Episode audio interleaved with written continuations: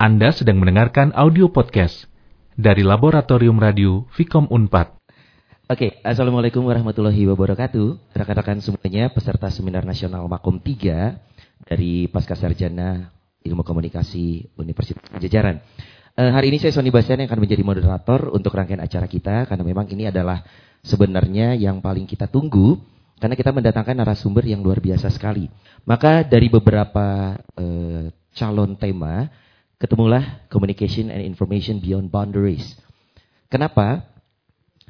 E, seperti tadi sudah disampaikan oleh Kang Tatang Manggala, kemudian juga Pak Dadang sudah menyampaikan bahwa saat ini komunikasi ini adalah menjadi sebuah kunci. Oke, okay? hubungan yang paling gampang antara dua pasangan. Banyak orang paling gampang, solusinya adalah komunikasi. Semuanya tentang komunikasi. Tapi komunikasi yang seperti apa? Nah yang hari ini akan kita coba bahas beyond boundaries. Boundaries seperti apa sih sebenarnya yang akan menjadi sekat-sekat yang akan kita hadapi saat kita fokus dengan uh, revolusi industri 4.0. Hari ini kita akan mengundang tiga panelis sesuai expertnya masing-masing. Kang Denny Abidin, beliau adalah seorang Vice President Corporate Communication dari Telkomsel. Beliau telah 23 tahun berkecimpung di dunia uh, kerja sekarang berkaitan dengan broadcasting dan juga industri telekomunikasi. Uh, dari 23 tahun ini, beberapa tahun di antaranya dihabiskan uh, di bidang markom atau marketing communication, digital uh, issue, uh, crisis ya, digital crisis dan juga corporate business. Oke okay, sorry, digital business dan juga corporate communication. Dan juga pengalamannya di bidang PR, public relation, ini sampai dengan ke Asia Tenggara, Thailand, Singapura, dan juga di Indonesia. Wih, boleh tepuk tangan Bapak Ibu? Beliau juga memenangkan beberapa penghargaan, di antaranya adalah Excellent in Media 2019, dan juga PR People of the Year 2019. Luar biasa. Saya undang ke depan berikan tepuk tangan untuk Kang Denny Abidin. Mangga Kang, silakan. Berikutnya, kita juga mengundang seorang praktisi Mbak Feliciana Winatan, beliau adalah Communication Manager dari Google Indonesia. Dan uh, beliau ini juga uh, former untuk ahli strategi pemasaran sosial untuk uh, Mark, Marker Lab at Google. Dan juga buat teman-teman yang sering sekali uh, menggunakan Google Search, kemudian YouTube, dan juga YouTube Go, beliau orangnya. Dan di tahun 2018 uh, memenangkan Gold Citra Pariwara for Best Use of Integrated Media. Sudah MBA sekarang, Mbak? Ya, lulusan dari Imperial College Business School London. Bapak Ibu sekalian berikan tepuk tangan untuk Mbak Feliciana Winatan. Dan yang terakhir, idola kita semua. Betul, ini adalah uh, sosok yang sangat familiar buat kita di lingkungan Fakultas Ilmu Komunikasi Universitas Pajajaran. Beliau adalah Bapak Kunto Adewibowo PhD, di mana beliau adalah sebagai dosen di Fakultas Ilmu Komunikasi Unpad sampai dengan hari ini. Juga pernah aktif mengajar di uh, Telkom University dan juga Universitas Paramedina. Beliau juga sebagai CEO dari lembaga survei Kedai Kopi di tahun 2000. Hmm, kedengeran ya. Oke, okay. di tahun 2018 sebagai principal investigator di WhatsApp, the only Indonesian person yang mendapatkan apresiasi dari WhatsApp internasional. Boleh tepuk tangan untuk Pak Kunto Wibowo. Beliau uh, dipercaya untuk melakukan sebuah riset WhatsApp Misinformation and Social Science Research Award. Dan juga untuk scholarshipnya jangan ditanya, saya menghabiskan waktu dua jam untuk mempelajari CV beliau. Mana-mana saja yang harus saya masukkan ternyata banyak sekali. Yang pasti beliau juga uh, mendapatkan scholarship dari the Netherlands Government for Master Program dan juga Fulbright Scholarship uh, dari Wayne State University United States. Bapak Ibu sekalian berikan tepuk tangan untuk Bapak Kunto Adiwibowo PhD. Baiklah, kita akan mulai saja untuk uh, sesi pertama kita. Kami akan persilakan untuk Kang Denny Abidin memaparkan presentasinya uh, 20 menit dari sekarang. Silakan Kang Denny, kita berikan tepuk tangan untuk Kang Denny Abidin. Assalamualaikum warahmatullahi wabarakatuh. Salam sejahtera buat semua, Om Swastiastu, Namo Buddhaya, salam kebajikan. Baik ibu-ibu, 20 menit ya, Kang ya, Kang Sony. Nama saya Denny. Saya bicara sedikit tentang industri telekomunikasi dengan uh, kaitannya dengan telekomunikasi dan komunikasi. Ada dua hal yang ingin saya sampaikan masalah kesamaan dan perbedaan. Kalau kita bicara persamaan, Nama saya Denny, tadi ada yang namanya Denny juga, tadi di luar juga ada yang namanya Denny. Tadi ada tukang parkir namanya Denny juga. Jadi ibu-ibu akang-akang yang ada di sini boleh panggil saya AB. Jadi saya harus membedakan diri. AB itu dari Abidin sebenarnya. Abidin sering dibully juga atas biaya dinas. Daripada dibully udahlah mending panggil aja saya AB. Kemudian uh, kalau kita bicara persamaan tadi ya sudah diversity, sekarang perbedaan. Perbedaannya di Unpar, Iya. Fakultas Hukum. Betul. Saya Fakultas Hukum juga. Penyiar radio, hard rock. Dan model, eh, enggak Ya, penjara aja, ya. iya. Saya di Ardan dulu. Oh, luar biasa. Dan di radio sebentar sih, cuma tiga tahun. Tapi anyway, eh, ini ya yang ingin saya sampaikan bahwa yang namanya diversity di industri sekarang ini menjadi salah satu challenge bagi kami.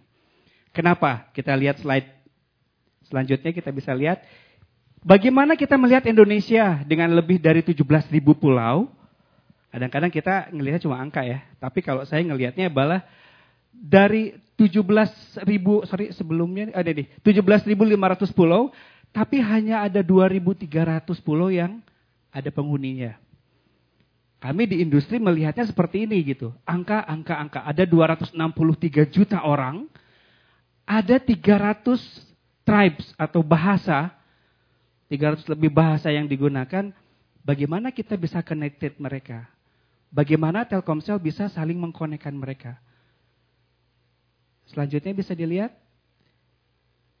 Dari sisi development atau deploy network. Saya sekarang ngelihat dari sisi economical size atau ICT. Ketika industri yang lain kita bicara disruptif, ada teknologi pengganti. Ketika mulai banyak profesi-profesi yang punah, tetapi industri ICT di Indonesia ini sangat-sangat tinggi percepatannya. Artinya apa? Kita harus bangga sebenarnya bahwa Indonesia ini salah satu kota Jakarta kota paling berisik katanya untuk Twitter.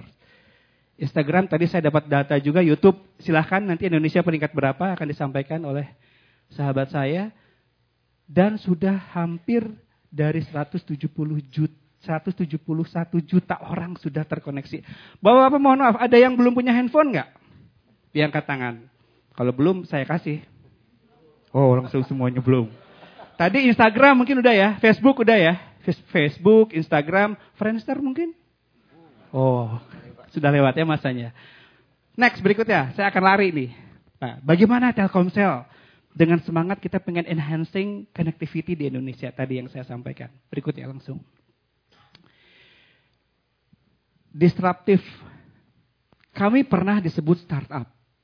Telkomsel pernah disebut startup ketika tahun 95. Ketika kita berdiri di Batam, kita tuh anak bawang. Kita diusir dari Jawa. Karena regulasi saat itu tidak memperbolehkan dan tidak mau mengeluarkan lagi izin. Telkomsel akhirnya harus pergi ke Batam yang tahun 95 saat itu adalah rawa-rawa, hutan bakau. Kita deploy satu teknologi yang sangat tidak sangat tidak tidak populer. Saat itu AMPS, analog, dan kita pakai teknologi GSM atau geser sedikit mati. Jadi harus susah. Dan sekarang 25 tahun, 24 tahun setelah kita disebut startup, ketika saat itu kita disebut muda, kenapa kita disebut startup? Karena induk perusahaan kita yang namanya Telkom Indonesia sudah mulai ke disrupt. Seberapa banyak dalam ruangan ini yang terakhir mempergunakan telepon rumah? Saya masih, soalnya saya anak perusahaan Telkom ya, jadi harus tetap pakai Telkom. Tapi mempergunakan. Atau WhatsApp. Wah WhatsApp pasti semua ya. Itulah yang namanya terdisrupt. Jadi hal yang paling kita takutkan di perusahaan telekomunikasi sekarang adalah adalah inovasi dan teknologi itu sendiri. Jadi kita bicaranya teknologi pengganti. Kita tidak bicara bicara masalah kompetisi, kita tidak bicara masalah seberapa tinggi teknologi, tetapi teknologi pengganti serta komunikasi. Alhamdulillah di perusahaan kami sekarang Korkom atau Corporate Communication, dulunya PR atau dulunya Purel, kami sudah menjadi striker. Bahkan kami secara organisasi direct di bawah CEO. Artinya apa? Artinya ketika kompetisi sudah chaos, ketika sudah sangat cluster teknologi, saya keluarkan 3G, besoknya keluar 3.5, besoknya LTE, 5G, siapa pun bisa, betul nggak Bu? Betul ya? Ketika saya turunin tarif, besoknya turun tarif 1.500, jadi 1.200, jadi 1.000, semua bisa. Tetapi ujung-ujungnya adalah corporate reputation, itu yang tidak bisa dilakukan oleh semua. Jadi saya ucapkan selamat kepada para aktivis komunikasi yang ada dalam ruangan ini, kita sudah on the right track dalam industri ke depan. Ya, boleh tepuk tangan dong buat kita semua biar semangat. Oke, okay, that's why kita sedang berusaha bertransformasi from telco company to become digital company. Dan ini merestruktur semua culture, merestruktur cara kita berkomunikasi. Dan alhamdulillah dalam lima tahun terakhir turbulensinya sangat luar biasa. Turbulens bukan biasanya negatif ya. Turbulens negatif. Kenapa? Karena hasil riset terakhir per tahun 2018, posisi PR atau komunikasi dalam perusahaan menjadi posisi nomor dua tingkat stres tertinggi di pekerjaan. Yang pertama, pilot, Kenapa kalau pilot? Karena bawa ratusan penumpang, pilotnya ngantuk, pesawat jatuh. Dan, tapi dalam perusahaan, kenapa PR? Corporate reputasi jatuh, selesai semua. Next. Diklik aja, ada play. Ini yang tadi saya sampaikan bagaimana kita berevolusi dari yang tadinya komunikasi, hanya voice dan SMS, kemudian kita berjalan ke layanan digital services. Bahkan ada OTT dan segala macam. Tapi saya tidak akan bahas ke teknologinya. Saya tidak akan bicara teknologinya. Saya yang akan saya bahas adalah di play lagi, silakan. Karena waktunya sangat terbatas, Pak Enggak. Jadi kita lihat bagaimana habit orang berubah. Dan ini yang paling penting yang ingin saya lihatkan.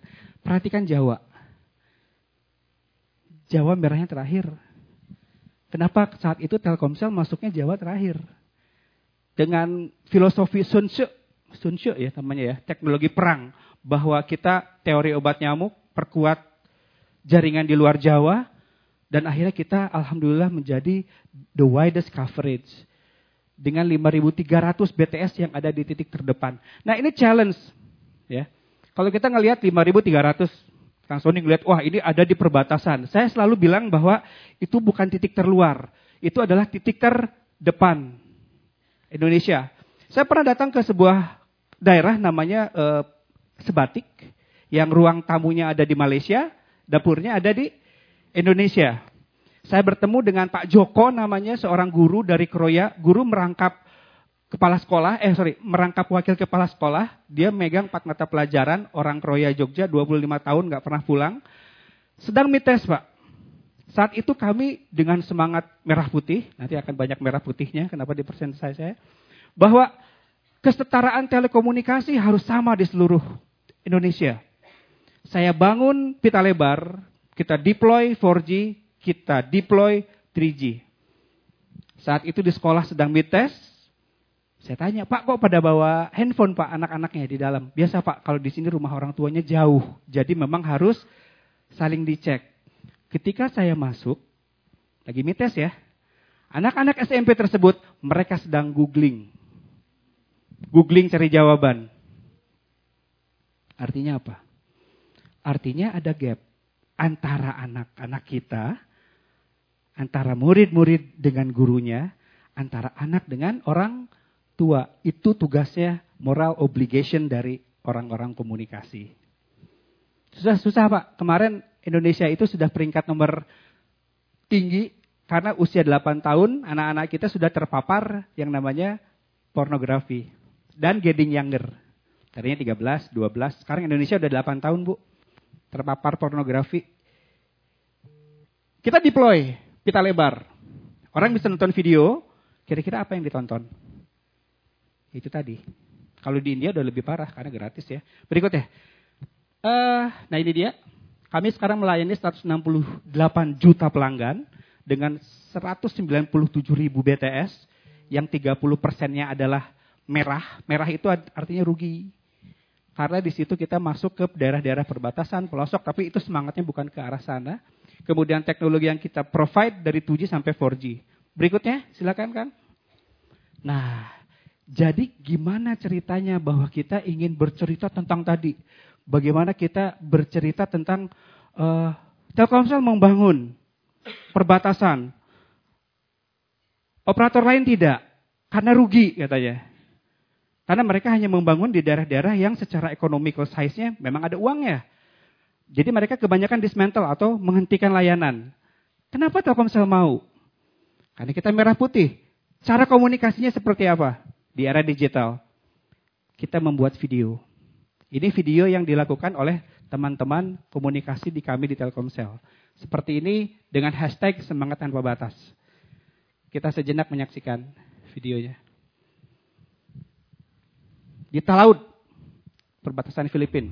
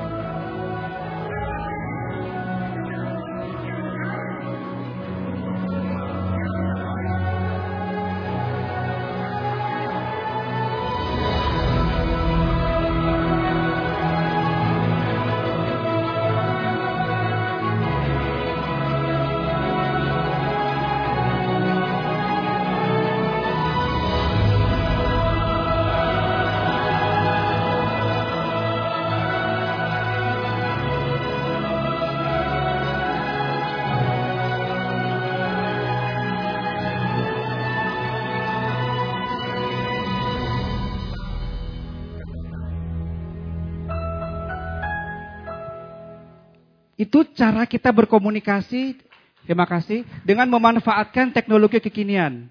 Daripada kita bikin rilis ya. Dan itu jadi PR kita juga, bagaimana teman-teman dari komunikasi bisa melihat big picture dari teknologi apa yang bisa kita ambil. Ini yang positif ya, yang positif. Nih, saya akan sampaikan ke vitaminnya nih, Pak Sony.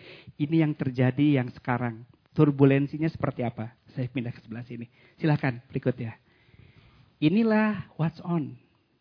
Ini yang terjadi sekarang di industri kami. Seperti ini, klik berikutnya. Seperti ini. Update nggak teman-teman? Update ya? Ada YouTubers kemarin. Kemudian dari Garuda bikin surat. Kemudian dalam waktu bersamaan, diversity. Ada yang dirugikan, ada yang mengambil riding the wave. Bagaimana strategi riding the wave ini sangat efektif di pola komunikasi. Uh, Grab, ada Kaisang, malah mempergunakan ini sebagai momentum positif. Sayang sih waktu itu Garuda malah kemudian mempolisikan, tetapi akhirnya itu yang saya bilang. Apakah recover dalam satu hari? Tidak. Itu yang membedakan orang komunikasi dengan pilot. Begitu jatuh selesai reputasi perusahaan. Dan saya juga ini untuk cost recovery-nya akan sangat-sangat berat. Bahkan sampai ketika ini Kaisang juga putra Pak, Pak Jokowi bicara, tambah kusut lagi kan intinya. Tambah viral lagi. Kemudian ada kasus lupa bapak. Mungkin ingat juga ya. Bukalapak, saya nggak akan, karena ini sahabat saya juga deh. Zaki itu sahabat saya. Kita besar besar bareng, tapi beliau terus terang blunder. Bank sebesar Bank Mandiri pun sama. Ini hanya untuk studi ya, jadi bukan untuk dipublikasikan. Tapi mereka melakukan hal cepat. Permohonan maaf. Mereka akui. Saudara-saudara, kebanggaan kampus saya juga kemarin sempat ada blunder ketika ada penerimaan mahasiswa baru. Tapi Mas Sauki saat itu bertindak cepat dan tepat. Akui, minta maaf. Selesai. Orang Indonesia itu pemaaf loh Bu, jangan salah Bu. Ya, kalau kita ajak diskusi, mereka akan lebih kenceng bu. Mereka suka diskusi orang Indonesia itu. Makanya Jakarta sebagai kota paling berisik tuh itu. Jadi udahlah minta maaf. Tapi ada cost recovery yang ini. Ada yang dari 100 juta jadi hilang. Tapi jangan khawatir. Dia ada teman-teman saya dari Kompas juga nih. Media sebesar Kompas pun pernah melakukan hal yang yang hampir yang sama dalam bulan lalu. Ada Loren Ipsum. Mungkin teman-teman komunikasi tahu juga ya untuk so, so media yang besar tiba-tiba ada yang belum siap cetak dan dicetak. Jadi keluarnya lorem ipsum. Inilah yang terjadi hanya dalam waktu beberapa detik. Dan ini semua di sosial media terjadi. Inilah yang saya bilang turbulence. Berikutnya. Bukan cuma mereka, tapi pasti ibu-ibu ingin tahu. Telkomsel seperti apa? Ini PR-nya Bu. Saya punya 29 staff di kantor pusat, kemudian tersebar di beberapa di area ada total sekitar 60. Tapi yang harus saya manage sebenarnya adalah 5.800 PR. Kenapa? Karena saya bilang 5.800 karyawan kita adalah pemegang keputusan yang menentukan reputasi perusahaan saat ini. Again Pak, komunikasi lagi Pak. Saya tuh deg-degan ini itu aja tuh. Saya pelototin terus si handphone. Seperti ini yang ada di kita. Boleh diklik? sih? Mereka asik aja. Karyawan lah ini ya.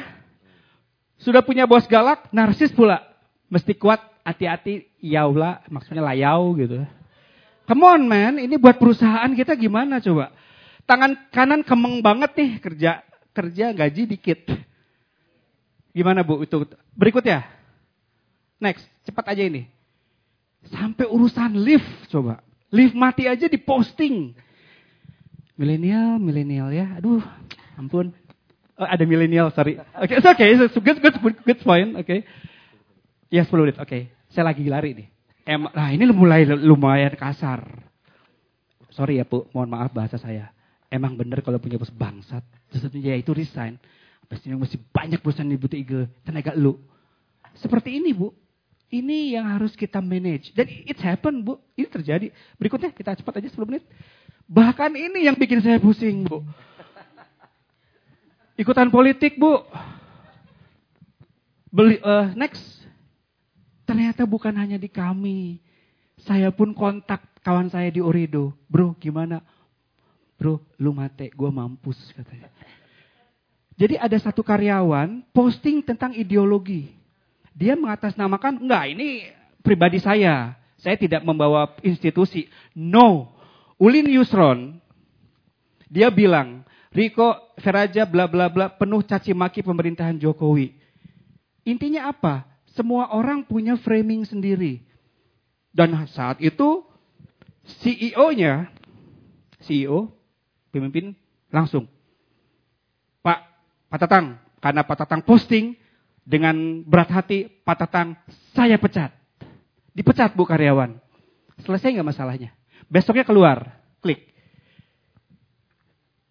Disebutlah anti-Islam, anti pergerakan dan segala macam. Seperti itu. Jadi kita harus gimana gitu pada saat itu komunikasi ya. Ini contoh challenge sebenarnya di era 4.0. Berikutnya. Ini Bu, intinya Bu. Jadi kalau dulu cukup waktu tuh masih panjang lah, 24 jam lah untuk jadi krisis dalam sebuah perusahaan. Kalau cetak itu kan bisa nunggu ya. Tapi sekarang cukup hanya dengan 24 detik.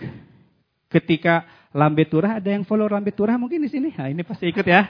Lambe Turah saya saya follow juga. Harus. Harus. Kan dicobian Kang. Ibu boleh dicoba Bu Lambe Turah. Seru Bu. Seergibah. Betul. ya kita makan hanya ngelihat Bu, nggak ikutan. Nah, berikutnya. Jadi 24 detik hanya gara-gara salah posting. Inilah Telkomsel. Ingat mungkin ya, bahwa kita disebut Telkomnet ya. Tiba-tiba blank di hijack. Dan ceritanya ada yang unik sebenarnya yang nggak pernah ke expose. Nggak pernah ke expose. Bahwa tim saya seluruhnya se-Indonesia sedang ada di kawah Ijen.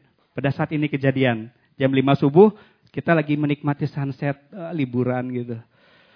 Oh sunrise, sorry. Untuk Berarti ngedengerin, thank you. Ngetes aja Pak, ngetes. Aja ya. Ternyata ini belum ber, ber, belum berhenti. Stres di kawah ijen saya harus lari, apalagi badan saya nggak kurus ya. Wah, turun tuh lebih capek. Kan harus ke Surabaya dulu, Bu. Ya. Begitu di Surabaya, pintu ngebuka, yang saya lihat itu bukan kru, tapi lampu kamera. Saya bingung, ini gimana ceritanya kok tahu? Ternyata ada staff saya yang posting di kawah ijen. Cetrek sialan, gue lagi liburan, mesti balik ke Jakarta via Surabaya. Ya selesai udah. Seperti itu. Nanti untuk krisis ada kelas khusus mungkin ya, saya nunggu undangan lagi Pak. Saya bisa cerita tentang crisis handling management di kami Pak, di era digital. Berikutnya. Lihat, kalau kita jualan paling komen hanya 69, hanya 200, 300. Begitu kita dihujat, langsung 7000 komen. Saya harus jawab satu-satu, impossible. Dan rata-rata ini yang ini intinya, intinya ini. Intinya ternyata audience atau warga net itu kira-kira pro hacker, pro Telkomsel. Ah, ini juga berarti ternyata yang ini ya. Mereka itu rata-rata pro hacker. Kenapa? Karena substansi dari hacker itu adalah turunkan yes. Oh, fakir kuota semua nih di sini. Tahu nggak Bu? Indonesia itu sekarang tarifnya nomor tiga termurah di dunia, Bu. Wah, betul. Siapa? Nanti kita japri aja, Pak. Ini forum, Pak. Ntar ada nge-tweet lagi, Pak. Kita termurah tiga di dunia, tapi intinya ini nih. Untuk orang komunikasi, angle-nya harus agak uh, out of the box, kan beyond the boundaries tadi. Karena saking murahnya, sehingga kuota itu tidak ada value-nya. Karena tidak ada value, user mempergunakan untuk hal yang unproductive. Kemudian hoax itu jadi enak banget di Indonesia tuh. Nyeburin hoax itu enak banget lah di Indonesia. Terutama mama nih. Bapak-bapak juga ya. Tapi itulah kenapanya, kenapa? Karena tidak ada value-nya. Harganya murah, ah gua udah hajar aja. Itu salah satu PR kita dengan program CSR. Berikutnya. Ini juga yang tahun lalu, mohon maaf gambarnya agak disturbing ya, mohon maaf. Tapi ini hanya untuk studi sebenarnya. Bagaimana kita menghadapi turbulence di era sosial media. Ternate Kota Santri, berikutnya klik klik aja diklik. Ya, seperti biasa. Kami dekat dengan Sultan Ternate. Mereka sangat memegang teguh nilai-nilai religi. Kita dengan bangga, Ternate, saya datang membawa teknologi terkini 4G. Saya akan launching sehingga Bapak lokasi atau daerahnya akan lebih produktif, lebih ekonomikalnya lebih naik, lebih keren kotanya. Kita masuk, kita launching, ini yang kejadian. Aduh, bintang tamunya, Masya Allah. Klik lagi gambarnya nanti. Klik lagi. Seperti ini. Bintang tamunya dua serigala, teman-teman area. Begitu nari, apa yang terjadi? Yaitu hal-hal yang diinginkan bapak-bapak terjadi. Tapi itu krisis bagi kami, Bu. Dan Sultan marah. Kami hampir diusir dari sana. Dan itu tugas siapa? Tugas marketing? Harus pasang iklan? Enggak kan ya? Pasang teknologi, tugas siapa kira-kira? Ya, komunikasi lagi, PR lagi. Jadi kita tuh kayak pemadam kebakaran lama-lama Pak. Bajunya harus merah. Berikutnya. 5 menit lagi ya. Oh, one minute. Text, next, terus, terus. Lari, terus. Uh, diversity, kita next. Ini ada video tapi saya saya lempar. Saya ingin bicara video ini. Kita klik. Ini adalah people. Bagaimana perusahaan Telkomsel punya orang seperti ini. Kami ada 5.800 employee, 168 juta pelanggan, jadi satu orang harus melayani 28 ribu. Tapi 50 persennya anak-anak muda di bawah 30 tahun sudah level manager. Dan 54 persennya Telkomsel itu sudah di bawah 35. Jadi kita sudah transformasi sangat-sangat mudah di dalam kami. Berikutnya, ini pun ada juga uh, yang namanya corporate culture. Ini tugasnya komunikasi, ini tugas PR kalau kalau sekarang ini. Karena inilah yang bisa memperkuat reputasi dalam sebuah perusahaan.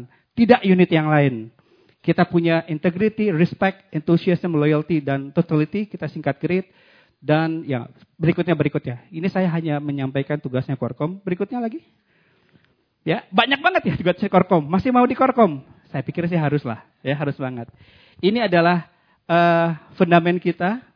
inspiring, to be enabling, and to accelerate negeri, untuk mengakselerate bangsa. Dan semua ini tidak akan pernah lepas dari yang namanya peranan pemimpin kami. Ini pemimpin kami seperti ini. Boleh diklik lagi mas? Ini program CSR. Ini nanti kelas berbeda untuk CSR. Inilah adalah pemimpin-pemimpin kami. Dan kita sedang berusaha ingin memperlihatkan bagaimana transformasi yang kita lakukan. Biar kita bukan ingin kelihatan muda. Tetapi ingin ingin berkolaborasi millennials dengan our BOD yang kami 24 tahun sudah disangka BUMN bahkan. Kami itu swasta, Pak. Bukan BUMN, Pak. Tapi saya sedang coba men-shifting, saya harus begging ke our CEO, ke direktur, Bu, ayo kalau mau sama-sama transform apa? Transform, kita sama-sama transform. Dan kita berhasil membuat video ini sebenarnya iseng-isengan. Video seperti ini. Boleh diklik videonya? Tadi file di luar kayaknya ya, Pak Angga. Ini ini video video terakhir uh, Kang Sony ya. Izin sebelum i, bukan yang talaut, satu lagi yang Let's rebound and go digital. That's why. Nah ini. Saka. Ah, sayang sekali ya tidak bisa dibuka ya. Coba. Ah, bisa. Nah, jadi ini kolaborasi antara direktur kami dengan para staf. Alhamdulillah. Assalamualaikum warahmatullahi wabarakatuh. Waalaikumsalam warahmatullahi wabarakatuh. Terima kasih, Kang Denny. Oke, sebelum kita berlanjut ke Mbak Feli, mungkin Kang Denny boleh uh, singkat saja. Tiga kata isu boundaries terbesar untuk Telkomsel saat ini. Apa aja? Satu, tadi yang saya Baik bilang, itu, diversity. Diversity. Satu, inovasi atau teknologi pengganti. Mm -hmm. Yang ketiga adalah corporate culture. Oke, itu bisa jadi keywords teman-teman kalau nanti kira-kira Bapak Ibu rekan-rekan ingin mengajukan pertanyaan. Tiga isi itu ternyata yang oleh Telkomsel sekarang sedang dihadapi ya. Oke, terima kasih Kang Denny. Dan berikutnya kita akan langsung menuju ke panelis kedua. Kita akan langsung mengundang Mbak Feli eh, sebagai korkom dari the biggest search engine ya. Maaf tapi saya harus boleh sebut, kadang kita menggoogling Yahoo di sana ya. Kalau mencari Yahoo kita ke Google Bing itu. Pakai Bing juga. Saking wahnya Google ini ya. Oke, tepuk tangan untuk Mbak Feliciana, silakan. Halo, selamat pagi. Sebelumnya saya ingin uh, um, uh, say thank you first. Uh, thank you for having me. It's it's been such a pleasure to be able to speak in front of you, in front of experts. I was actually told um, ke teman-teman juga di sini tadi kayaknya, aduh nervous juga ya kalau audiens saya ini ternyata guru besar, guru besar komunikasi Terus S2 uh, eh, lumayan nervous, tapi sebenarnya saya mau koreksi sedikit. Um, kalau saya ini adalah nama saya Felicia, I lead uh, consumer communications, consumer product communications manager untuk Google. Consumer product ada yang bisa kira-kira identify nggak? Apa sih consumer product di Google? Uh, ada yang apa? Oh, silakan. Iya, iya, iya. Ah, ini udah pernah datang nih kayaknya udah pernah.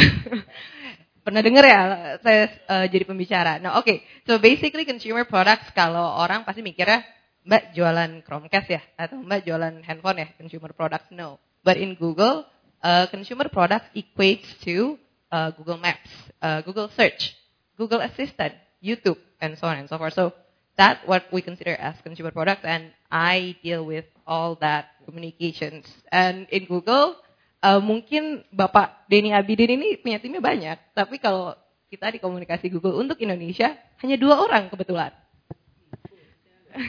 hanya dua orang. Satu yang handle uh, Corcom, uh, corporate communications meaning that uh, involving google.org atau google.org itu adalah satu foundationnya Google di mana kita um, grants, uh, fund um, inspiring foundations or inspiring startups uh, across Indonesia, right? Atau juga untuk masalah isu-isu atau Android developers um, and so on so forth. So that's um, Corcom. Kalau dari saya, the fun stuff. That's what I call it. But that comes with also a challenge, right? Dari isu seperti mungkin yang baru-baru hangat ini ada pocong di Google Maps, ya kan? Atau mungkin nanti juga ada YouTuber kena masalah ini sama Menkom Info and so on so forth.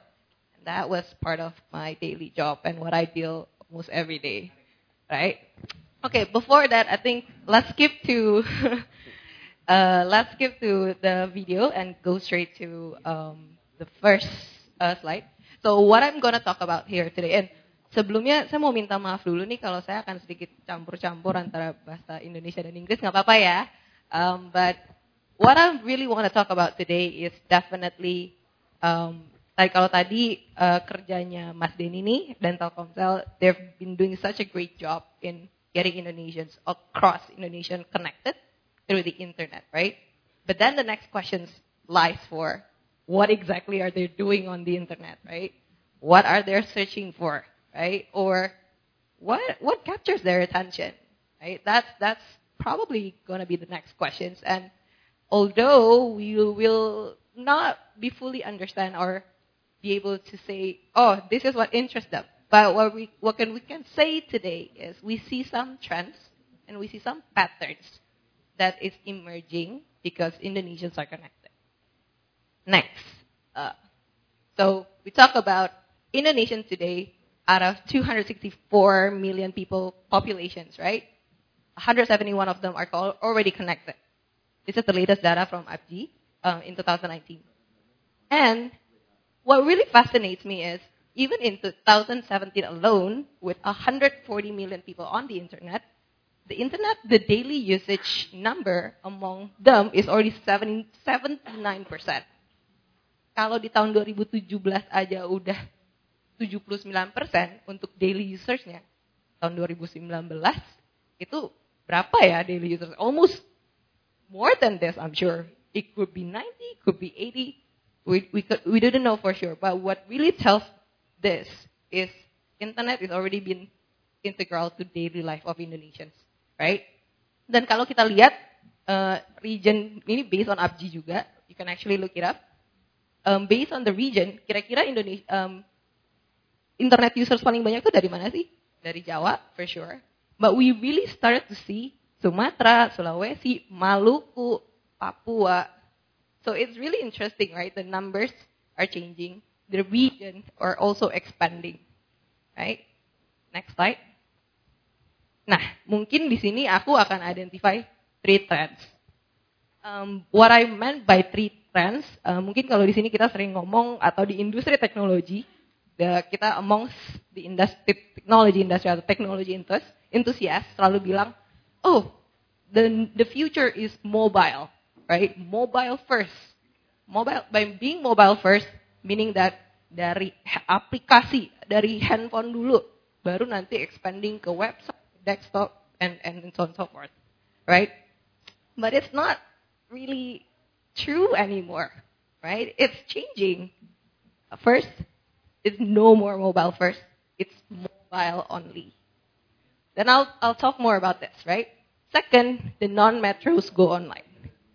There, I probably, I probably assume that all of us here think that, oh, the technology savvy atau orang-orang yang connected, orang-orang yang uh, internet savvy, orang-orang yang pakai internet banget, ini, ini hanya di metro city. Metro city sebenarnya kota-kota besar.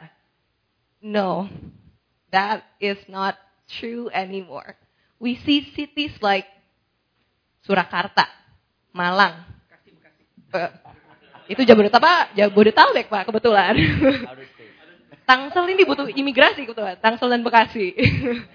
Tapi we see cities like that, like like the th the cities that we don't think are the tech users or the heavy internet users, we see that they are going online and we see them contributing online or doing more from online ever before. Right? They are more connected than ever before. And lastly, this is the most interesting part for me personally, breaking stereotypes. What I meant by, breaking stereotypes is definitely changing the whole preconception about consumer behavior. Consumer behavior meaning kayak misalnya contoh, uh, kalau yang beli beauty products nih kayaknya cuma cowok-cowok deh. Eh atau sorry sorry sorry cowok cewek-cewek, gak juga, cowok-cowok juga. Atau contoh, yang kayak yang cari tentang informasi tentang bayi atau how to take care of babies itu cuma ibu-ibunya aja. Enggak juga. So this is what I meant by breaking stereotypes. So I I encourage you to be open-minded and think outside the box and really think who is who is accessing this information. Yeah. Okay. Next. Um. By the way, if you uh, oh sorry before. By the way, if you would like to, this is a top three that I personally think that is relevant for you guys. But if you want to deep dive, uh, deep dive about this and would love to learn more, it's available. Um, how many of you know about Think with Google site? Okay, great, awesome. Only two in the, only two out of hundred maybe. Um, how many of you ever heard about Year in Search Report? Uh, I'm not doing a really great job in communicating this. But, oke, okay, siap, siap. Mari, mari. Jadi uh, setiap tahunnya itu uh, kami di Google selalu menceritakan apa sih yang orang Indonesia cari setahunan ini dan kira-kira temanya itu seperti apa, baik untuk um, publik secara umum ataupun untuk brands. Brands untuk meaning ke industri. Kira-kira per kategorinya kita akan lihat. Dan di tahun lalu kita khusus um, mempelajari we're exploring nine categories um, across e-commerce, food and beverage, travel, auto, even health juga, personal care juga. So I encourage you to to really look at that uh, and also explore others information and other research that we found. We always posted the Think with Google. So that's a lot of uh, latest information there. Or Google Trends. Who you, who here use Google Trends? Okay. Google Trends. I Google Trends. Google Trends. Okay, that's that's a really good tool. Like I'm obsessed with it because I'm obsessed with data. It's really interesting to find what exactly going on and what are people searching for to specific topic atau mungkin kira-kira topik-topik yang lain gitu. Jadi it's really exciting for me. So maybe next, let's talk about no more mobile first, right? Uh, no, no more mobile first, but it's mobile only. Like 94% smartphone penetration among online users. So a lot of this, a lot of internet connectivity atau uh, connectivity across yang Indonesia is driven by the affordable, uh, affordable smartphones, right? Karena kita juga melihat, kenapa kita bisa bilang gini? Karena kita melihat uh, pencarian untuk affordable smartphone brands itu meningkat dua kali lebih lipat.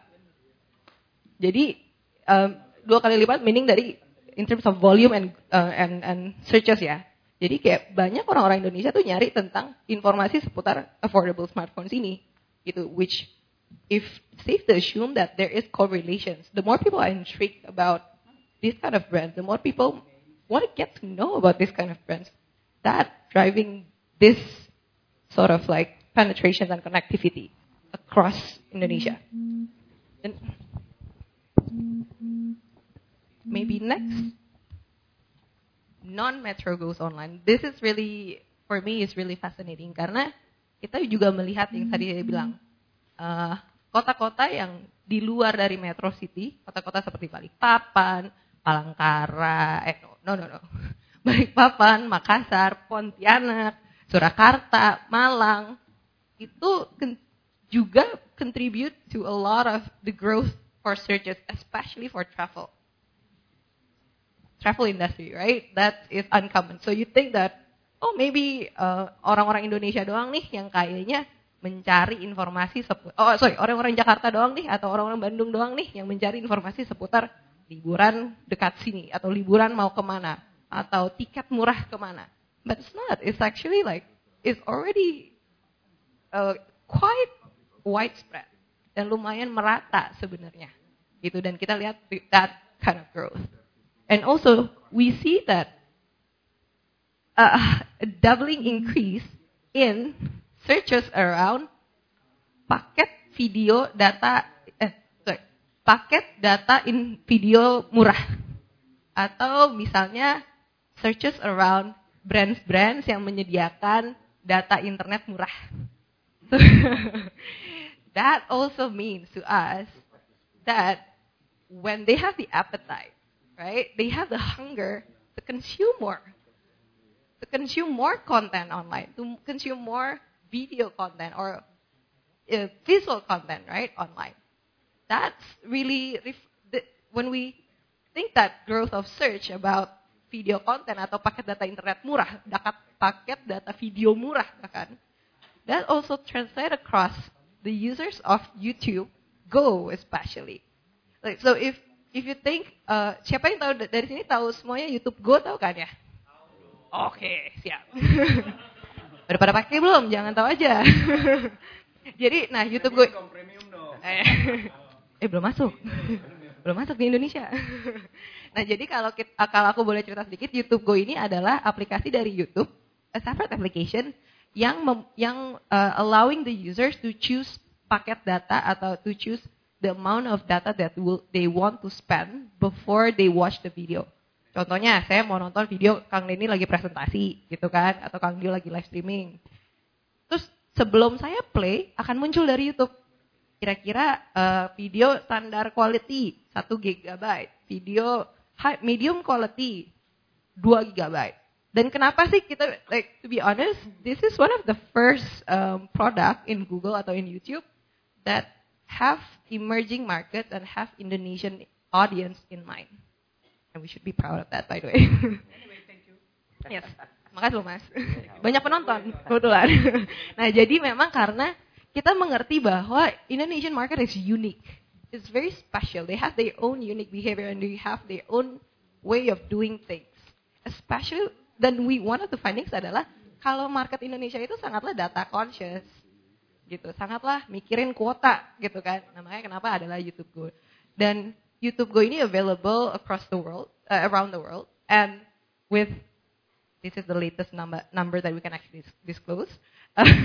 100 juta users of YouTube Go and Indonesia ranked number one for the top contributor in terms of users and also the fastest growth of users around the world. So for me, I think that's very um, exciting to hear and also very, uh, I would say, proudest moment that it's one of them, right? YouTube Go and YouTube, uh, YouTube users around the world. Next, I'll talk about breaking stereotypes. Uh, bener-bener, so this is really dan I encourage you to have a really have an open mind karena yang tadi saya bilang dari setiap saat uh, dari setiap one in three online baby care shoppers are men. So the that's the, uh, jadi bapak ayah-ayahnya ini nih yang antusias banget mencari tentang baby care. Or even like um, ada increase um, the doubling down, uh, almost three times increase in terms of search for men's personal care brand. Nggak cuma personal care brand doang, tapi uh, kata kunci seputar uh, potong gaya rambut uh, pria 2018 dibandingkan gaya rambut wanita 2018 itu lebih tinggi. hey, kok bener banget sih? Weh, maaf banget nih. Data say so. I'm just saying. Facts. This is facts, not hoax. Jadi, what I'm really trying to say about uh, in this case is like think beyond think beyond what you think is the assumptions or what you think is acceptable within true be, over the generations or what we see that probably this is what Indonesian thinks or probably this is what Indonesian consumers are. Well, in fact, it's not people are changing, right? The the data says that, that people are evolving and interest comes may, may uh, comes and go, but it's really about who exactly is your audience, who exactly that is accessing your information. It's not just a judgment or typical stereotypes, right? Next. So, but what I see like beyond dari data atau dari insights yang kita dapat I do believe that the best part of technology, the best part of tools that we have, the best part of um, information that they access, the best part is how the users are doing it. And for me, it's really exciting. And what I think makes my job is great. What my, makes my job was really exciting because I can really see how technology and how our tools be able to help them, help Indonesians, right? And I think Next slide. I personally believe that technology opens up opportunities to millions of people, accelerates innovations, and also an engine for economic growth. I'll take a, uh, I'll take an example of one, uh, YouTube, right? I'm sure uh, all of you guys are well aware of the content that is available on YouTube, but YouTube is could be one of the example that technology helps to fuel creativity, helps to fuel creative industry, or helps to fuel characters even, right? People are be able to speak up or really just do things directly and voicing up their opinion on YouTube and broadcasting to the audience. Like, according to our mission, um, YouTube is committed to show, to give people a voice and show them the world. Jadi nggak cuma ngasih mereka suara untuk berbicara atau voicing up their opinion or do whatever, express their passion, but also show them the world, right? I am really proud to see uh, Surya Sahetapi contohnya dia bikin satu project uh, bersama dengan Quran, I think Quran Foundation atau Quran Project. So what he did is using YouTube as a platform to teach uh, or to encourage the Fable community, sama juga uh, Indonesians basically in general to study Quran on YouTube, and it got covered by New York Times, which is we were very proud of it, and we really see that not just the likes of Surya Sahetapi, tapi juga ada Paman Apik ada yang pernah dengar nggak channel Paman Apik? Belum. Paman Apik ini oh, keren ya Mas ya? Betul. Betul. Nah, Paman Apik ini adalah uh, Bandung based engineer.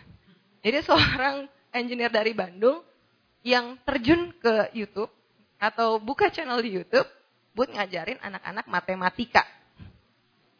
Karena dia go with the mission that I really want to encourage people to learn to teach people how maths is not something that you should be afraid of. That's his mission. And he is now, I think, has more than 300,000 subscribers. Right? Or, have you ever heard about Kok Bisa? Kok Bisa channel pernah dengar nggak ya? Kok Bisa channel ini adalah satu channel yang animatif sih sebenarnya. Fokusnya di animasi untuk menjelaskan fenomena-fenomena sosial dari contoh mungkin dari fenomena sosial seperti kayak hantu itu seperti ada apa enggak sampai ke cara nyoblos sampai ke gunung meletus itu seperti apa sih dan kenapa sih karena dia itu dengan cukup dengan satu misi sih karena with um, I've talk about this with Gerald sama Ketut juga the founder so basically aku tanya kenapa sih pengen buka channel YouTube dan kenapa pengen buka um, apa channel namanya kok bisa karena dia pengen dia ngelihat Eh, anak-anak uh, Indonesia itu butuh di encourage to have critical thinking, to be able to say or to ask a question how that could happen, right? Kenapa sih kok bisa ada kayak gitu? Karena anak Indonesia itu terbiasa mungkin assumption, terbiasa dengan oh ya ini kayaknya uh, this is the fact or this is the information that I got and take it as face, at face value. Dan tapi kalau dia ngerasa it it should not be that way. It should be we as a as a younger generation or as Indonesians be able to have to be able to ask kenapa? How? Right? And that's what his mission and I'm very proud that uh, Kobisa is one of our creators for change ambassadors uh, on YouTube. Nah, creators for change ambassador itu apa sih sebenarnya? Satu program dari YouTube yang di mana kita memilih uh, 5 sam, oh, sorry 20 20 creator across Indonesia uh, yang kita endorse dan we think that they are having a positive message to tell to the world, right? And this is, uh, and we often create summits um, across the globe together, so they have exchange ideas and also be able to create network and so on and so forth. Next adalah Ibu Trisnawati. Nah, ya kalau to touch, yeah, to touch upon this to, to touch upon how uh, technology be able to, act, uh, to to be the engine for economic growth, right? Ibu Trisnawati ini adalah uh, seorang uh, entrepreneur. Uh, well, she would love to, uh, to be referred as sociopreneur.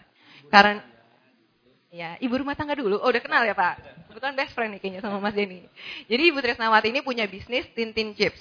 Tintin Chips adalah cookies dan chips uh, yang dia jual secara online atau offline atau consignment. Nah, dia itu sempat kepikiran uh, buat uh, bisnis ini karena berangkat dari ide she's very passionate about supporting uh, disabled community atau the deaf community atau uh, community with the disabled. Tapi dia caranya dengan empowering the mothers atau the parents yang punya anak dengan disabilitas. Dan makanya dia pikir let's create a business that employ the mothers while they could also take care of the kids. And she consistently support atau mendanai uh, anak-anak untuk anak-anaknya untuk terapi juga. So you see, this is a, a business that keeps on giving. Nggak cuman sekedar, oh ya gue bikin business profit and what not gitu kan. Nggak, tapi this is a business that employs people and also give back at the same time. And technology allows you to do that. And she's well, in her in her own words, uh, dia merasa kebantu banget juga sama pelatihan yang kita laksanakan di 12 kota, eh sorry, 14 kota across Indonesia uh, untuk digital business yang we call it Gapura Digital. Dan juga ada inisiatif uh, Woman Will, di mana Woman Will itu adalah inisiatif kita untuk memberdayakan, untuk uh, empowering women in Indonesia to do more and do better. Because at the end of the day, kalian ada ibu bangsa. So we believe in in, in empower. When women prosper, everybody is prosper. So that's uh, our Woman Will initiative. Lastly, this oh, maaf, uh, country director saya kepotong mukanya. Tapi um, this uh, this is Gringo Foundation. Gringo Foundation ini adalah satu dari 20 foundation yang kita support atau yang terpilih um, menjadi salah satu pemenang AI Impact Challenge. AI Impact Challenge itu adalah inisiatif global dari Google untuk melihat kira-kira uh, ada startups, NGOs di luar sana nggak sih yang ingin addressing uh, everyday problems or be there to address uh, humanity issues or humanity challenges. Uh, Gringo Foundation is one of them dari uh, satu dari seluruh dunia ya. Dan Gringo ini punya misi untuk help reduce plastic waste management with the help of AI.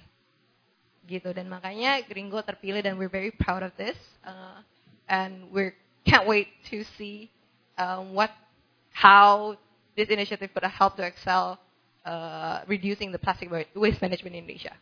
Next. Next. Oh yeah. If there's anything out of all this that I can actually tell you as a communication practitioner, I encourage you to be helpful to the users or the public audience. By being helpful, meaning that offering the information that help them to get, to do better, to do more, and get things done, basically. Karena komunikasi yang tadi seperti Mas Denny juga udah bilang, dan juga tadi uh, sudah di sering kali diingatkan uh, bahwa komunikasi adalah integral uh, integral thing in in our daily life. It's every day, right? Gimana caranya kita sebagai communication practitioner bisa be there? Be there meaning that you see the all the insights. There's a lot of moments in every life, right? In throughout every journey of a user, of an audience, of a person. Dan mereka consume informasi dari multiple channels. But how can you actually be there that is relevant for them? And that's simply just my message. And also, thank you so much, guys, for listening. Okay, thank you very much. Uh, Pak Feli, sebelum uh, kita lanjut ke Pak Kunto, mungkin boleh saya coba ganti untuk kita ganti dengan uh, challenge. Kira-kira tiga buat words, buat keywords kita buat nanti bertanya. Dari Google Indonesia, challenge apa yang yang akan dihadapi untuk dunia komunikasi bersama Google? Three words.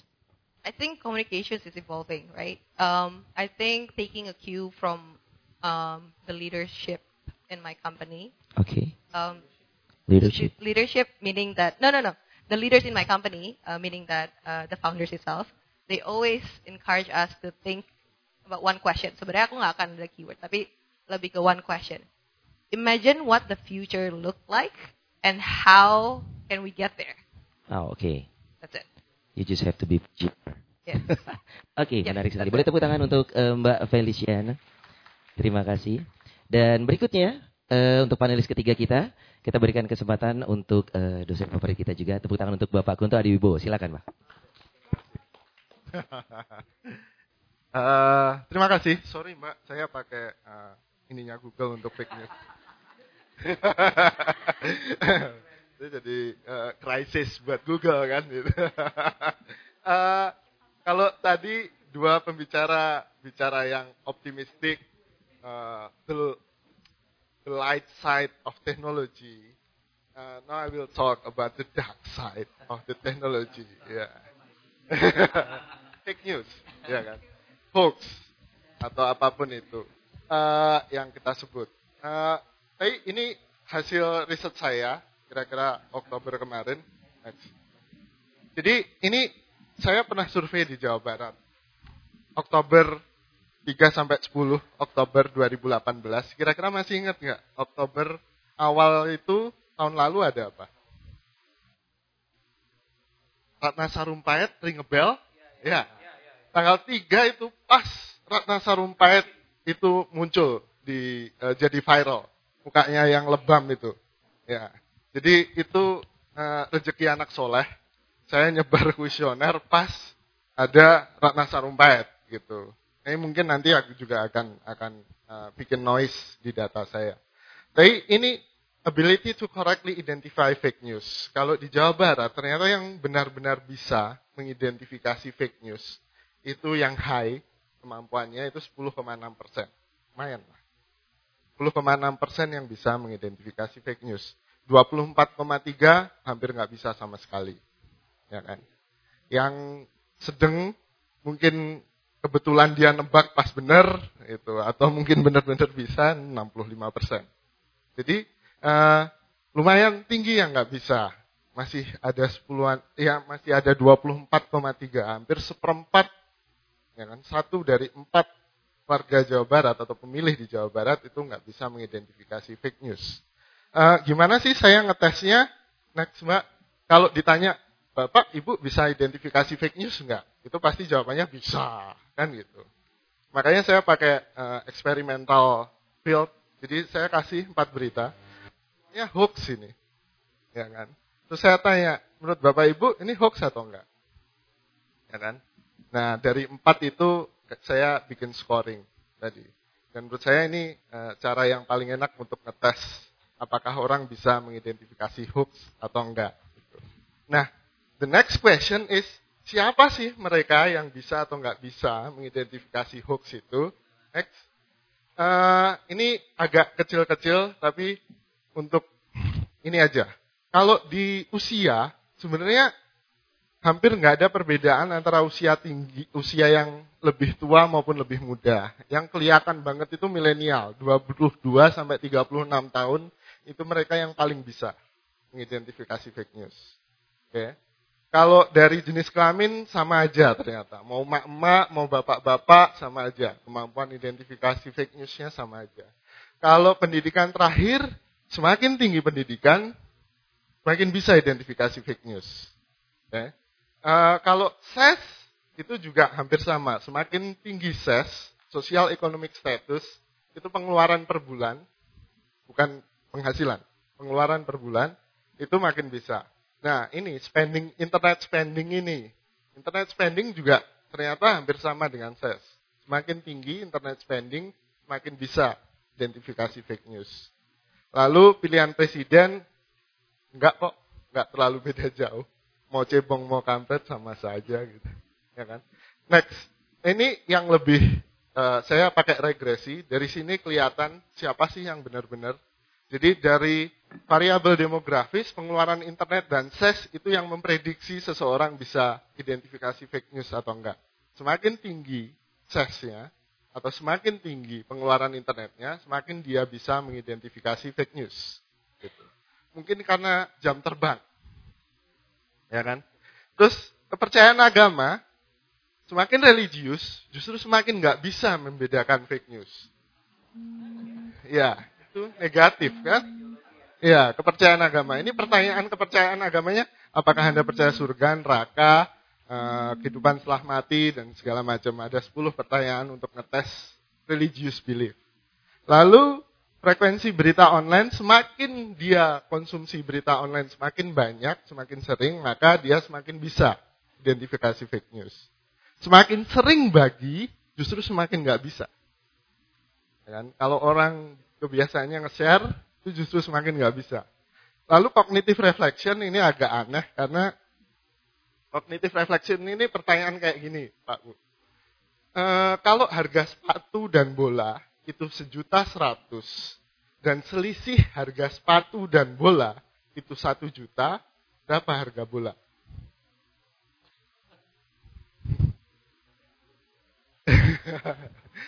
itu ada lima pertanyaan seperti itu. Seluruh Jawa Barat yang bisa benar empat itu cuma satu orang.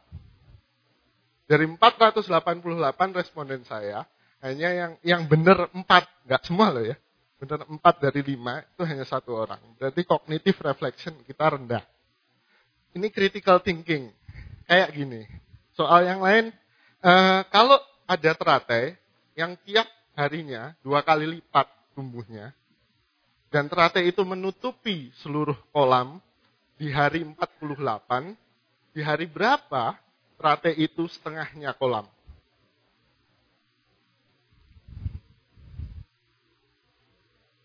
Kalau Anda berpikir otomatis pasti 48 bagi dua, ya kan?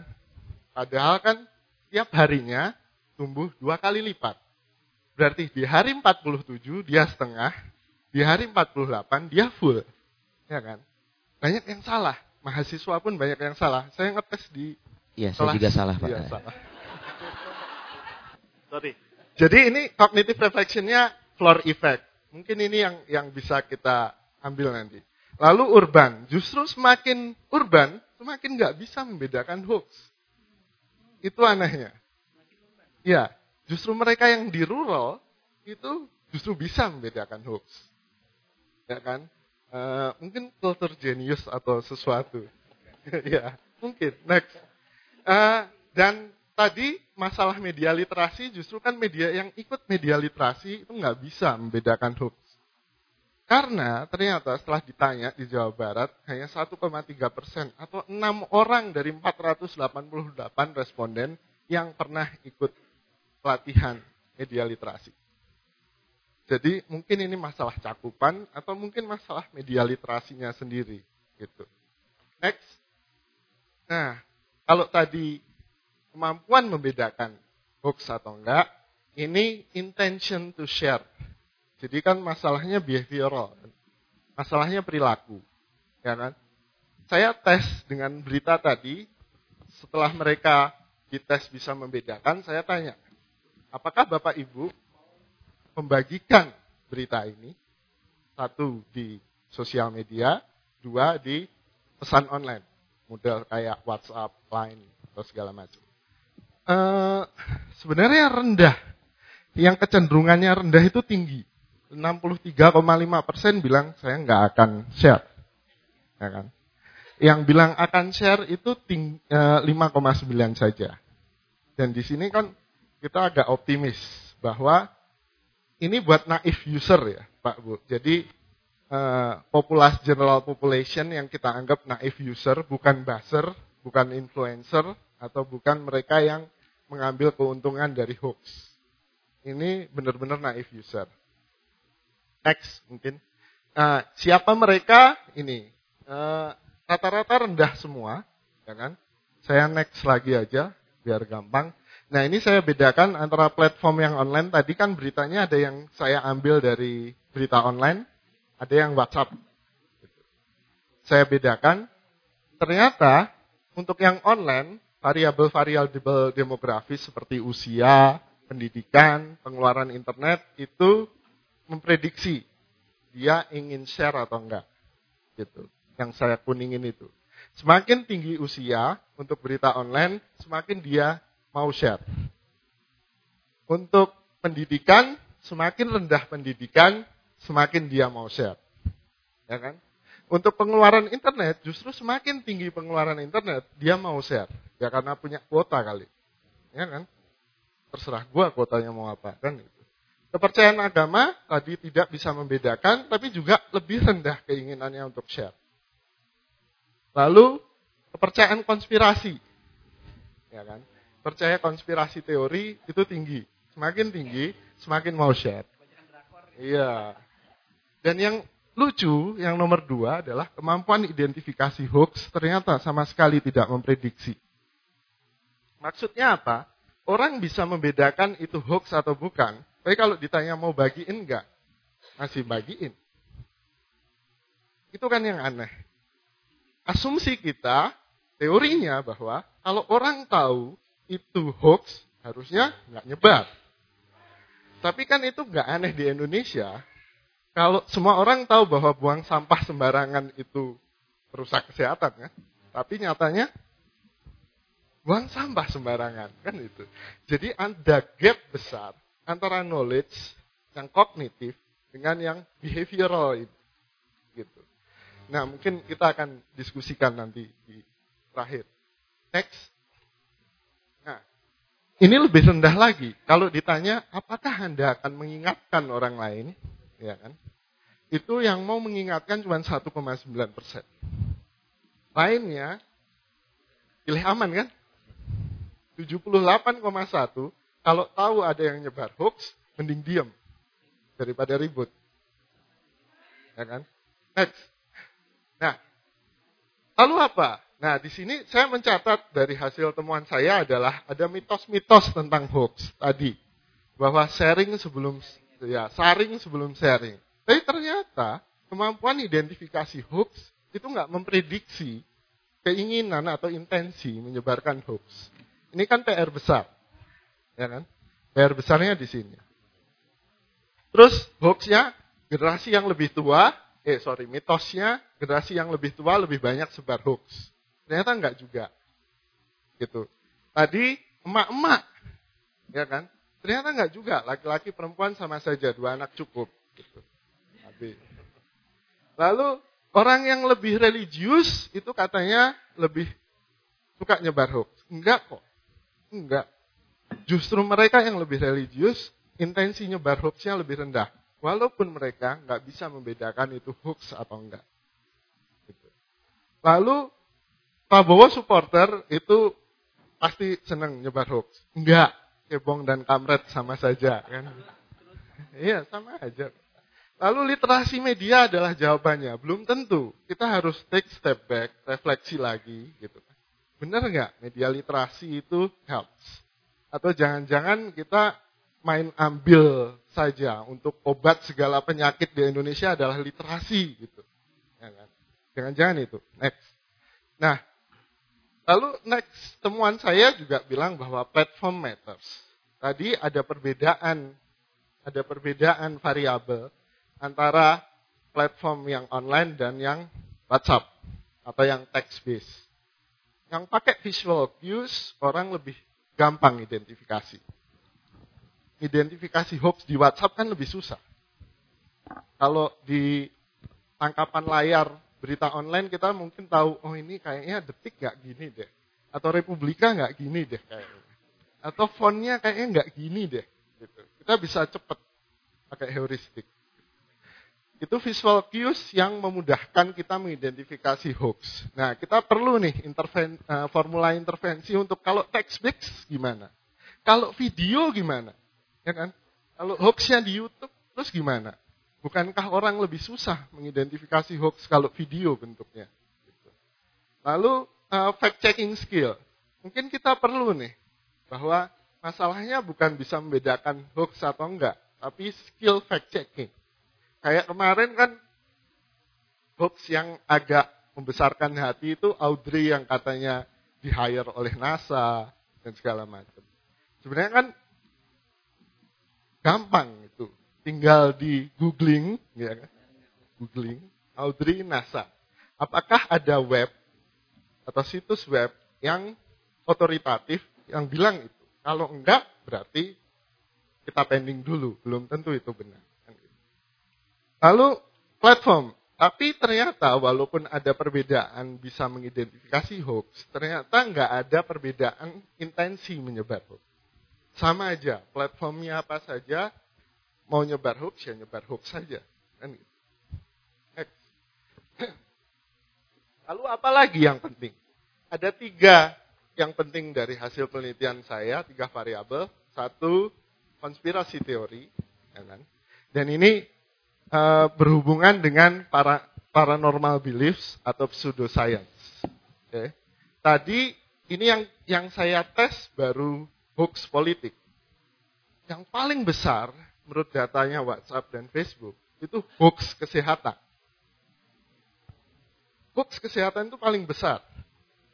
Ya, lebih tinggi. Dan pseudoscience itu paling banyak. Minum ini tiga kali sehari maka akan ini kan gitu. Ya, paling banyak itu. Dan yang lebih mengkhawatirkan kan kayak uh, apa homeopatologi atau uh, pengobatan alternatif. Kalau kanker pakai ini, gitu, pasti sembuh. Gitu.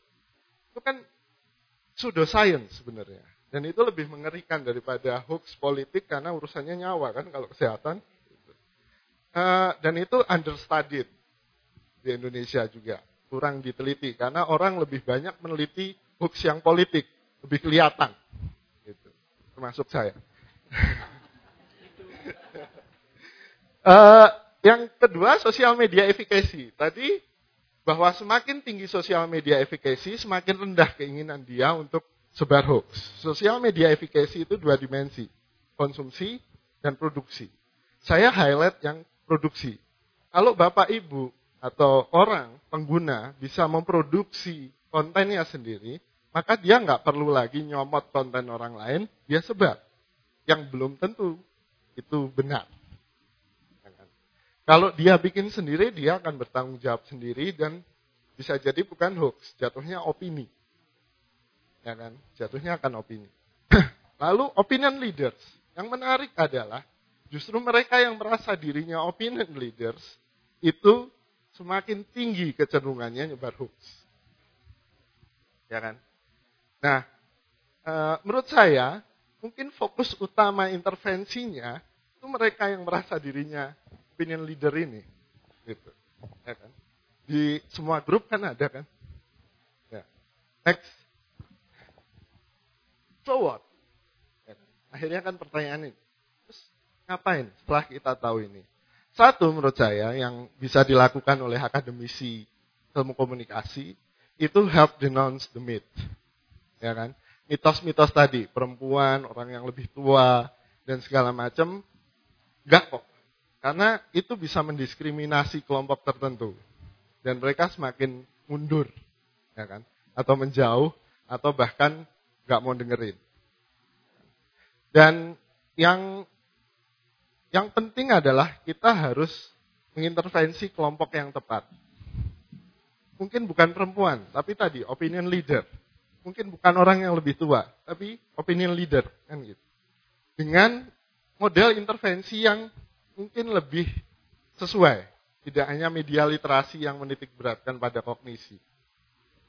Lalu reducing conspiracy belief. Ini juga sekali lagi tugasnya orang komunikasi, science communication ya kan? Flat earther itu banyak, Pak Bu, yang percaya bumi itu datar. Ya kan? Mengkomunikasikan sains itu kan bukan hal yang mudah. Ya kan? Dan mungkin ini PR kita selanjutnya.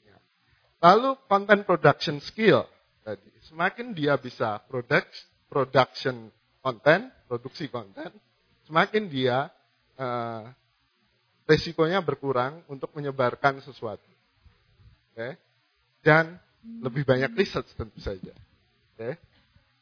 Saya tadi ngobrol sama Mbak Felicia, jarang loh di Indonesia uh, riset tentang hoax di YouTube. Kayak kan Facebook, Twitter, Instagram. YouTube itu video. Orang lebih percaya kan sama video daripada teks, daripada gambar.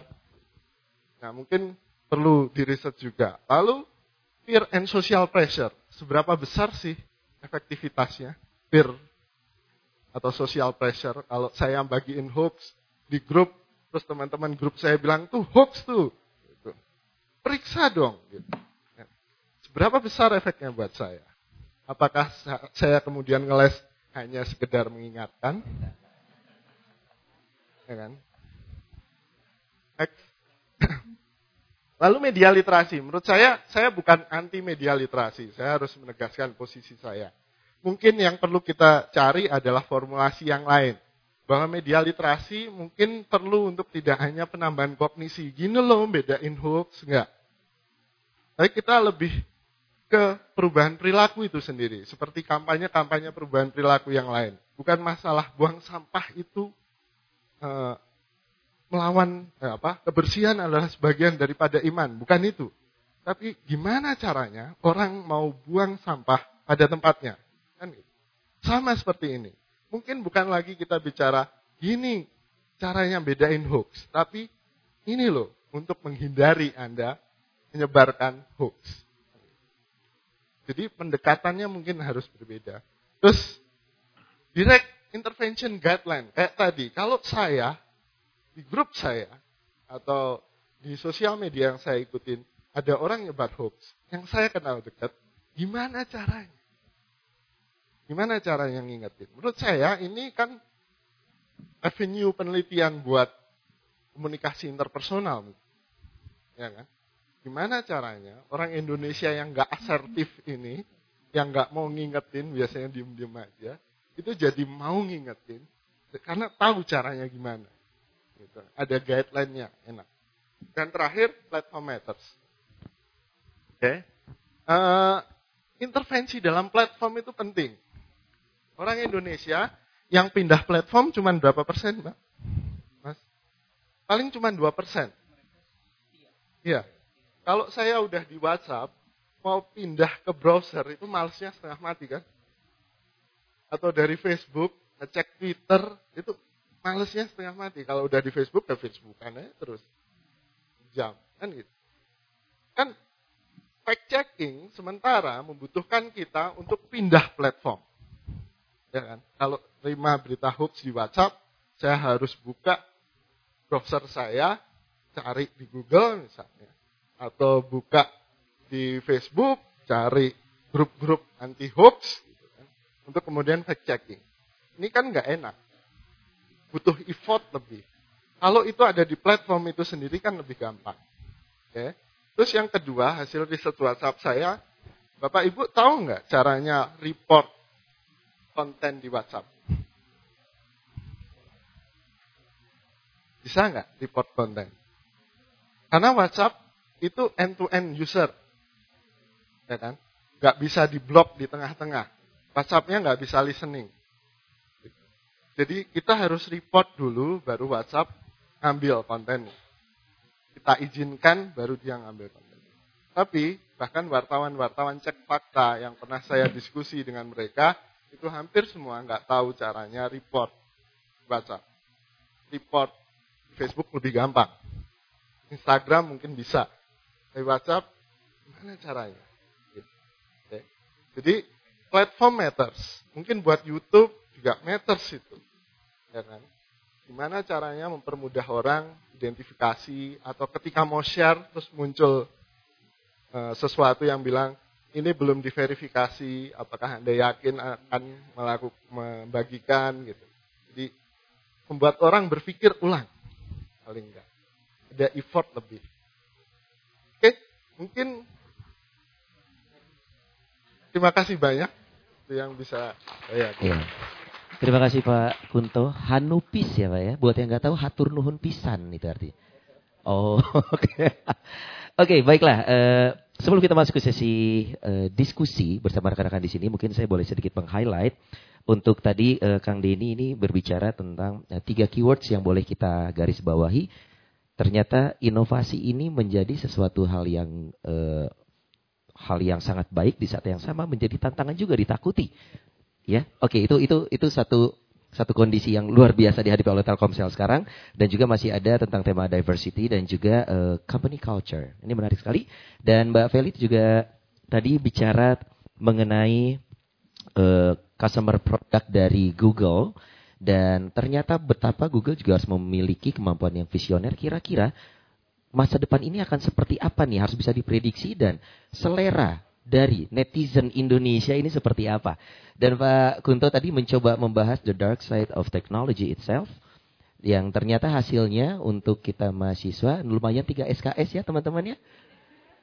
Kita menemukan di mata kuliah kuantitatif dan juga uh, uh, apa budaya, media dan juga teknologi. Terima kasih Pak Kunto.